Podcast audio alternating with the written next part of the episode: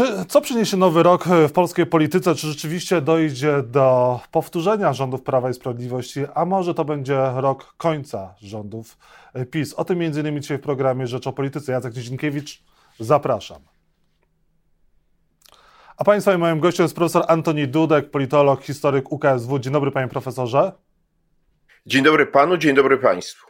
Kto jest dzisiaj bliżej zwycięstwa wyborczego jesienią? Prawo i Sprawiedliwość czy Koalicja Obywatelska lub też szeroko postrzegana opozycja? Hmm. To jest oczywiście pytanie, które będziemy sobie zadawać w tym roku praktycznie ci, którzy się interesują polityką codziennie i tak będzie do dnia wyborów, a nawet o jeden dzień dłużej. Dlatego, że jak się patrzy na to, co wynika z sondaży, a to jest dla nas właściwie jedyne w, w miarę miarodajne źródło takich rozważań, to wynika z nich tylko jedno, z tej średniej sondażowej z właściwie z całego ubiegłego roku, a mianowicie, że obudzimy się gdzieś tam jesienią tego roku w Sejmie, w którym klub Prawa i Sprawiedliwości będzie największy, ale nie będzie miał samodzielnej większości i tak naprawdę dopiero po wyborach rozegra się ta decydująca batalia już w Sejmie o to, czy PiS zdoła sobie znaleźć koalicjanta i próbować się utrzymać, a być może nawet dwóch koalicjantów, co graniczy już zupełnie z niemożliwością, czy też raczej powstanie rząd kordonowej koalicji, a więc niemal wszystkich, może poza Konfederacją przeciwko y, PiSowi. Y, ja mogę powiedzieć tylko, że na dziś, jak się patrzy na sondaże, to ten drugi drugi wariant z kordonową koalicją jest nieco bardziej prawdopodobny, ale czy to znaczy, że tak będzie? No czeka nas jeszcze wiele miesięcy bardzo ostrej walki i to się będzie zmieniało raz w jedną, raz w drugą stronę. Także ja się nie podejmuję kompletnie przewidzieć, kto, kto, kto y, y, y, stworzy kolejny rząd. Natomiast jedno wiem, ten rząd który powstanie po jesiennych wyborach, będzie miał znacznie bardziej pod górkę niż kilka poprzednich rządów po wejściu Polski do Unii Europejskiej. A, a, czy jest e, spór w koalicji rządzącej, czy to jest może taki teatralny spór w koalicji rządzącej między Solidarną Polską a Prawem i Sprawiedliwością? Widzieliśmy chociażby teraz kwestie dotyczące KPO, czy kwestie dotyczące nawet Sylwestra Marzeń, kiedy e, Solidarna Polska zaata zaatakowała TVP i jej pracowników za opaski jednego z zespołów, który uczestniczył w sylwestrowym koncercie. Te opaski symbolizowały e, społeczność LGBT. Nie no, dla mnie nie ulega wątpliwości, że ten konflikt jest jak najbardziej realny, on nie jest udawany i to jest konflikt y, o przetrwanie Solidarnej Polski. To znaczy Solidarna Polska za wszelką cenę chce pokazać temu twardemu elektoratowi obecnego rządu, że to ona jest jedynym prawdziwym obrońcą polskiego interesu narodowego, tradycyjnych wartości, a PiS jest nasycony różnego rodzaju, mówiąc słowami e, lidera e, Solidarnej Polski, rozmaitymi miękiszonami, którzy na różne sposoby ulegają, prawda, e, tym siłom liberalną, lewicowym.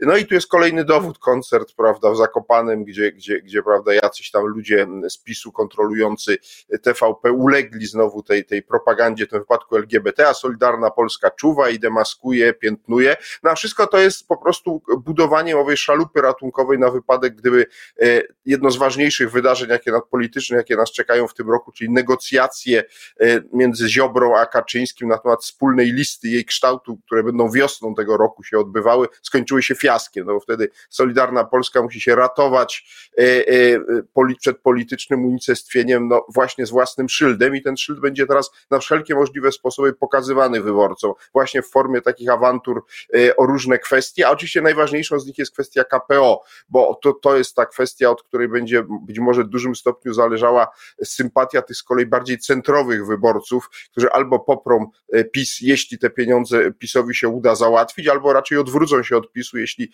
ostatecznie te starania e, rządu Morawieckiego się skończą fiaskiem. No a tu Solidarna Polska jasno stoi na e, stanowisku nie bierzmy ani złotówki tych, tych okropnych brukselskich pieniędzy, nie ustępujmy, rzućmy Brukselę na kolana i wtedy dostaniemy wszystko. Więc to, tu jest wyraźna różnica i, i, i to się tylko będzie nasilało Pytanie, jaki będzie finał, tego nie wiem. Myślę, że ani Kaczyński, ani Ziobro dalej tego nie wiedzą.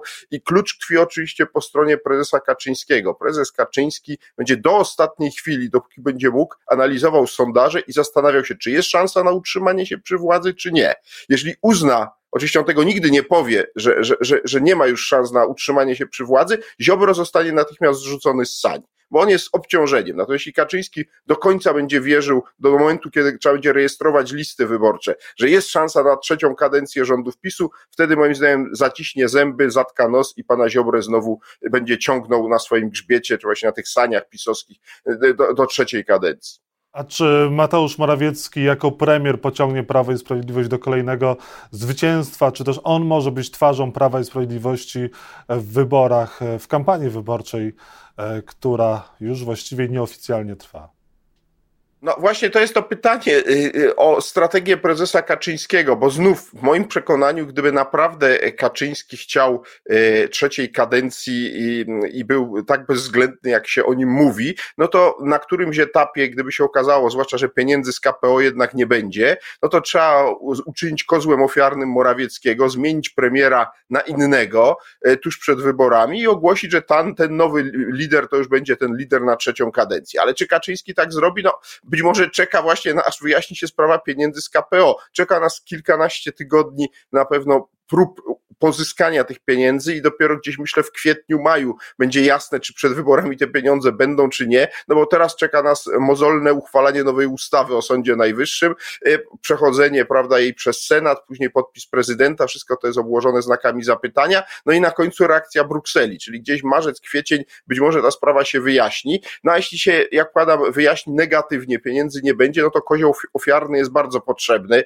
i ma, nikt się lepiej do tej roli nie nadaje niż, niż Mateusz Morawiecki, bo on rzeczywiście realnie negocjował te wszystkie kwestie z Brukselą, no i fiasko na końcu byłoby w naturalny sposób dla niego obciążające. A czy z e, Donaldem Tuskiem jako liderem opozycji, e, czy też kandydatem Koalicji Obywatelskiej na premiera, e, opozycja może pokonać Prawo i Sprawiedliwość, czy też Koalicja Obywatelska może pokonać Prawo i Sprawiedliwość? Owszem, koalicja obywatelska może pokonać e, Prawo i Sprawiedliwość, ale e, e, zdecydowanie większe szanse na to była, miałaby, gdyby Donald Tusk zdecydował się z kolei wiosną na ogłoszenie, że to nie on będzie premierem przyszłego rządu kordonowej koalicji, jeśli nawet koalicja obywatelska dostanie najwięcej głosów, tylko na przykład Rafał Trzaskowski, ponieważ no, z badań jednoznacznie wynika, że Donald Tusk ma ogromny negatywny elektorat i wszystko, co mógł zrobić dla swojej formacji, i co zrobił przez ostatnie pół roku, już zostało, półtora roku zostało zrobione. Od powrotu Tuska do polskiej polityki rzeczywiście udało mu się powstrzymać spadek notowań koalicji obywatelskiej. Ona się twardo trzyma przez cały miniony rok w roli lidera opozycji, czyli głównej partii opozycyjnej, ale zarazem ten lider jakim jest Donald Tusk, jest najgorzej czy fatalnie postrzegany przez pozostałych przywódców e, formacji opozycyjnych, którzy ewidentnie nie chcą z nim nie tylko tworzyć wspólnej listy, ale mogą też i nie chcieć go w roli przyszłego premiera. No najwyraźniej tacy politycy jak Kosiniak-Kamysz muszą mieć fatalne wspomnienia z czasów, jak byli ministrami w rządzie Donalda Tuska, bo, bo tu trudno inaczej wytłumaczyć aż tak daleko idącą nieufność i niechęć, e, zwłaszcza Kosiniaka Kamysza do Donalda Tuska, jak właśnie jakimiś złymi doświadczeniami z przeszłości. No więc zamiana właśnie Y, Tuska na na przykład Trzaskowskiego w roli przyszłego kandydata opozycji na premiera w istotny sposób moim zdaniem poprawiłaby relacje między przywódcami opozycji, a przecież tak naprawdę to z kolei mogłoby przekonać do tej, do, do opozycji część tych niezdecydowanych wyborców, no bo ci niezdecydowani wyborca, jest to ta grupa kilkunastoprocentowa, która będzie rozstrzygała o wyniku wyborów, cały czas patrzą, kto w tych trudnych czasach, a tu zgoda pełna, że idą trudne czasy, będzie rządził Polską. Czy prezes Kaczyński, czy jakaś bliżej nieokreślona określona grupa e, e, liderów opozycji pod przewodem Tuska, którzy się wzajemnie nie lubią. No i to, i to, to, to może sprawiać, że jednak ludzie wybiorą Kaczyńskiego, no bo on jest wiadomo jeden, zdecydowany, twardy, nikt mu tam nie podskoczy. A w trudnych czasach ludzie chcą mieć jednego lidera, a nie e, kwartet czy kwadrumvirat skłócony zwłaszcza ze sobą. Więc liderzy opozycji muszą zacząć pokazywać przez ten rok, że potrafią ze sobą współpracować. Nawet jak nie stworzą jednej listy, to że potrafią się w różnych sprawach dogadywać. No i jest pytanie, czy Tusk będzie w stanie to zrobić. Na razie idzie mu to nie za bardzo. No właśnie, pytanie, czy te trudne czasy są na tyle trudne, że one mogą przygnieść rząd Prawa i Sprawiedliwości, bo jak widzimy, e, póki co, to zima nawet nie jest e, tak sroga dla Prawa i Sprawiedliwości. Mam tu na myśli kwestię chociażby zaopatrzenia w węgiel. E, chyba z inflacją i z taką drożyzną sroga. Polacy się chyba też troszkę e, pogodzili i jakoś sobie e, radzą. E, teraz jest też kwestia ceny paliw. No pytanie, czy te czynniki zewnętrzne Prawu i Sprawiedliwości pomogą, przeszkodzą, a może nawet Polskę będzie stać, czy też rząd Prawa i Sprawiedliwości na kolejne programy socjalne już jesienią. No więc właśnie, to jest kwestia pytania, jak bardzo potrzebne są pieniądze z KPO i ile one mogłyby zmienić w podtrzymaniu tej hojnej polityki społecznej, bo wygląda na to po retoryce e, polityków PiSu, zwłaszcza premiera Morawieckiego, który pewnie jako jeden z nielicznych w tamtym obozie politycznym zdaje sobie sprawę ze stanu finansów publicznych. E, czy to jest możliwe? No ja mam wrażenie, że ta rozpaczliwość pewna w zabiegach o, o środki z KPO po buńczucznych najpierw jeszcze latem wypowiedziach wskazuje, że z tymi finansami publicznymi aż tak dobrze nie jest, że te prognozy i szacunki w resorcie finansów tworzone nie są aż tak optymistyczne i dlatego między innymi trwa walka o KPO. I to jest jeden z czynników, które moim zdaniem będą rozstrzygające. No jeżeli nie będzie tych pieniędzy i okaże się, jak niektórzy twierdzą, że w marcu finanse publiczne się znajdą na krawędzi załamania, no to, to, to oczywiście będzie to rzutowało negatywnie. E, a co do y, kwestii inflacji, to przypomnę, że są bardzo zdecydowane zapowiedzi prezesa NBP i, i, i właściwie potwierdzane przez rząd, że inflacja będzie już rosła tylko w pierwszym kwartale i właściwie tak rozumiem, że od gdzieś kwietnia zacznie wyraźnie spadać. No zobaczymy. Mieliśmy dane za listopad, one były bardzo pozytywne, bo tam nastąpił lekki spadek. Zobaczymy, jakie będą dane za grudzień. Y, y, to oczywiście jest istotne. No, jeśli inflacja się okaże, że wyhamowuje, tak jak na to liczy rząd, to będzie mu to na pewno e, pomagało. Y, natomiast, natomiast czy tak będzie? No nie wiem, zobaczymy. Ja jestem sceptyczny, bo ja nie widzę wyraźnego e, ograniczenia czynników, które by e, ten, ten wzrost inflacji hamowały, zwłaszcza jeśli chodzi o politykę wewnętrzną. Y, i w moim przekonaniu raczej, raczej ja nie podzielam optymizmu ani NBP, ani, ani, ani rządu co do, co do spadku inflacji, no ale zobaczymy, no tutaj rozstrzygnie gospodarka, rozstrzygnie, rozstrzygnie właśnie wskaźniki ekonomiczne, musimy, musimy poczekać, ale to nie będzie, żeby była jasność, też decydujące, to będzie bardzo ważne, ale równie ważny będzie rozwój sytuacji na wschodzie, to jak będzie wyglądała wojna, czy ona będzie miała tendencję do eskalacji, czy raczej do słabnięcia, bo jeśli do słabnięcia, to będzie PiSowi szkodziło, dlatego że e, oswojenie i zmniejszenie znaczenia czynnika wojennego no, powoduje, że ludzie nudzą się, bo tak naprawdę co jest problemem PiSu? E, też pewne zmęczenie i znudzenie tą władzą. I w sytuacji, kiedy zagrożenie wojenne będzie mniej odczuwane, to automatycznie jest więcej wyborców skłonnych powierzyć nowej ekipie rządy. E, jeśli będzie to zagrożenie jednak większe, Rosjanie będą odnosili sukcesy, będzie poczucie, że, że ta wojna zbliża się do naszych granic, to w naturalny sposób będzie to oczywiście pomagało, pomagało PiSowi pod hasłem tego efektu flagi tak zwanego. Panie profesorze, a czy opozycja ma jakieś możliwości e, przedstawienia alternatywy chociażby dla programów socjalnych? Ma, ma możliwość pokazania Polakom jakiejś mocy sprawczej? No i też mówiąc e, wprost, czy może przebić e, ofertę Prawa i Sprawiedliwości? Znaczy, jeśli chodzi o ofertę socjalną, to ja bym nie szedł tą drogą, bo opozycja, choćby nie wiem co obiecywała, to nie przebije PiSu, bo PiS zawsze powie, że my to zrealizowaliśmy, a Tusk tylko zawsze obiecywał. I tu już będzie wracała kwestia po prostu rządów Platformy, e, kiedy no, e, delikatnie mówiąc ta polityka społeczna nie wyglądała najlepiej. W związku z tym to nie tędy droga. Natomiast opozycja oczywiście może pokazywać, przede wszystkim jej liderzy, że potrafią ze sobą współdziałać i mają pomysły na rozwiązanie wiele innych kwestii, no, no, które są też bolączkami Polaków, jak na przykład jakieś konstruktywne rozwiązania dotyczące problemów wymiaru sprawiedliwości, bo to nie jest jasne, jak oni zamierzają odkręcić e, e, ten cały bałagan, który Zbigniew Ziobro wprowadził, a który rzeczywiście jest potężnym problemem i tutaj jest kwestia też relacji z prezydentem Dudą, ewentualnie tego przyszłego rządu kordonowej koalicji, który się jakoś będzie musiał z nim dogadać, bo inaczej nic nie zrobi.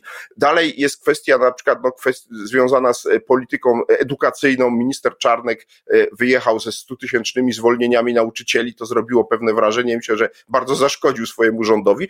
I teraz wyobraźmy sobie, że po takiej wypowiedzi ministra Czarka spotykają się liderzy opozycji i mówią, nie, my nie będziemy takich zwolnień robili, bo e, mamy plan e, pewnych przesunięć na przykład i będziemy uruchamiali na przykład fundusz, który pomoże się nauczycielom przenieść z jednej miejscowości do drugiej, bo jest faktem, że rzeczywiście Czarnek ma w tym sensie rację, że Polska, zwłaszcza ta mniejszych miast się wyludnia i tam tych nauczycieli nie będzie potrzeba, ale w wielkich polskich miastach nauczycieli wielu specjalności potrzeba, tylko im trzeba pomóc w przenoszeniu się, tak? I to jest przykład takiego działania, proszę bardzo, opozycja pokazuje, my tu mamy rozwiązania czarne, tylko chce wyrzucać ludzi na bruk. I, i, I na tego typu działaniach można coś zyskać. Tylko tu trzeba stworzyć pewien spójny, skoordynowany mechanizm wypracowywania wspólnych działań, no i wspólnego występowania na różnych konferencjach prasowych. Zobaczymy, na razie opozycja przed świętami zrobiła pierwszy dobry krok w tym kierunku, jak tylko PiS wyszedł z tą nową ustawą o Sądzie Najwyższym i, i zaczął, prawda, mówić, że to musi być na gwałt procedowane, to nagle zobaczyliśmy przed kamerami przedstawicieli wszystkich czterech podmiotów tej tak zwanej demokratycznej opozycji, czyli tej na lewo od PiSu i oni wspólnie mówili, ok, ale będziemy stawiać wspólne warunki. No i to był taki przykład zdolności do współpracy. Jeżeli oni będą to ponawiać przez cały ten rok, no to w oczach wyborców ukształtuje się przekonanie, że rzeczywiście oni jakoś tam może ich rywalizują ze sobą i dlatego nie ma wspólnej listy, ale potrafią ze sobą współdziałać i stworzyć taką koalicję, która ma jakiś pomysł na Polskę. Tylko jak mówię, nie szedłbym na licytację, jeśli chodzi o kwestie socjalne, bo po prostu po pierwsze wielu ludzi już nie wierzy, że PiS będzie w stanie podtrzymać te wszystkie hojne dary, które przez lata e, trafiały do kieszeni Polaków, a tym bardziej jak opozycja się pojawia, a my damy jeszcze więcej. To będzie kompletnie niewiarygodne. Tu trzeba oczywiście mówić, będziemy się starali podtrzymać 500 plus inne programy społeczne, natomiast będziemy prowadzić odpowiedzialną politykę budżetową, e, ale będziemy przede wszystkim modernizować kraj, ponieważ tu jest wiele ukrytych oszczędności, a nie będziemy wywoływać awantur i chaosu, tak jak to PiS robił w sądownictwie, szkolnictwie i wielu innych dziedzinach. Ciekawe miesiące przed nami. Profesor Antoni Dudek, socjolog, politolog, był pierwszym gościem nowego roku w Rzeczy o Polityce, historyk. Bardzo dziękuję za rozmowę. Wszystkiego dobrego w nowym roku. Raz jeszcze. Dzień dobry, wszystkiego dobrego. Dziękuję bardzo, wszystkiego dobrego w nowym roku. Pozdrawiam pana dziękuję. i pozdrawiam państwa. Do widzenia, do zobaczenia.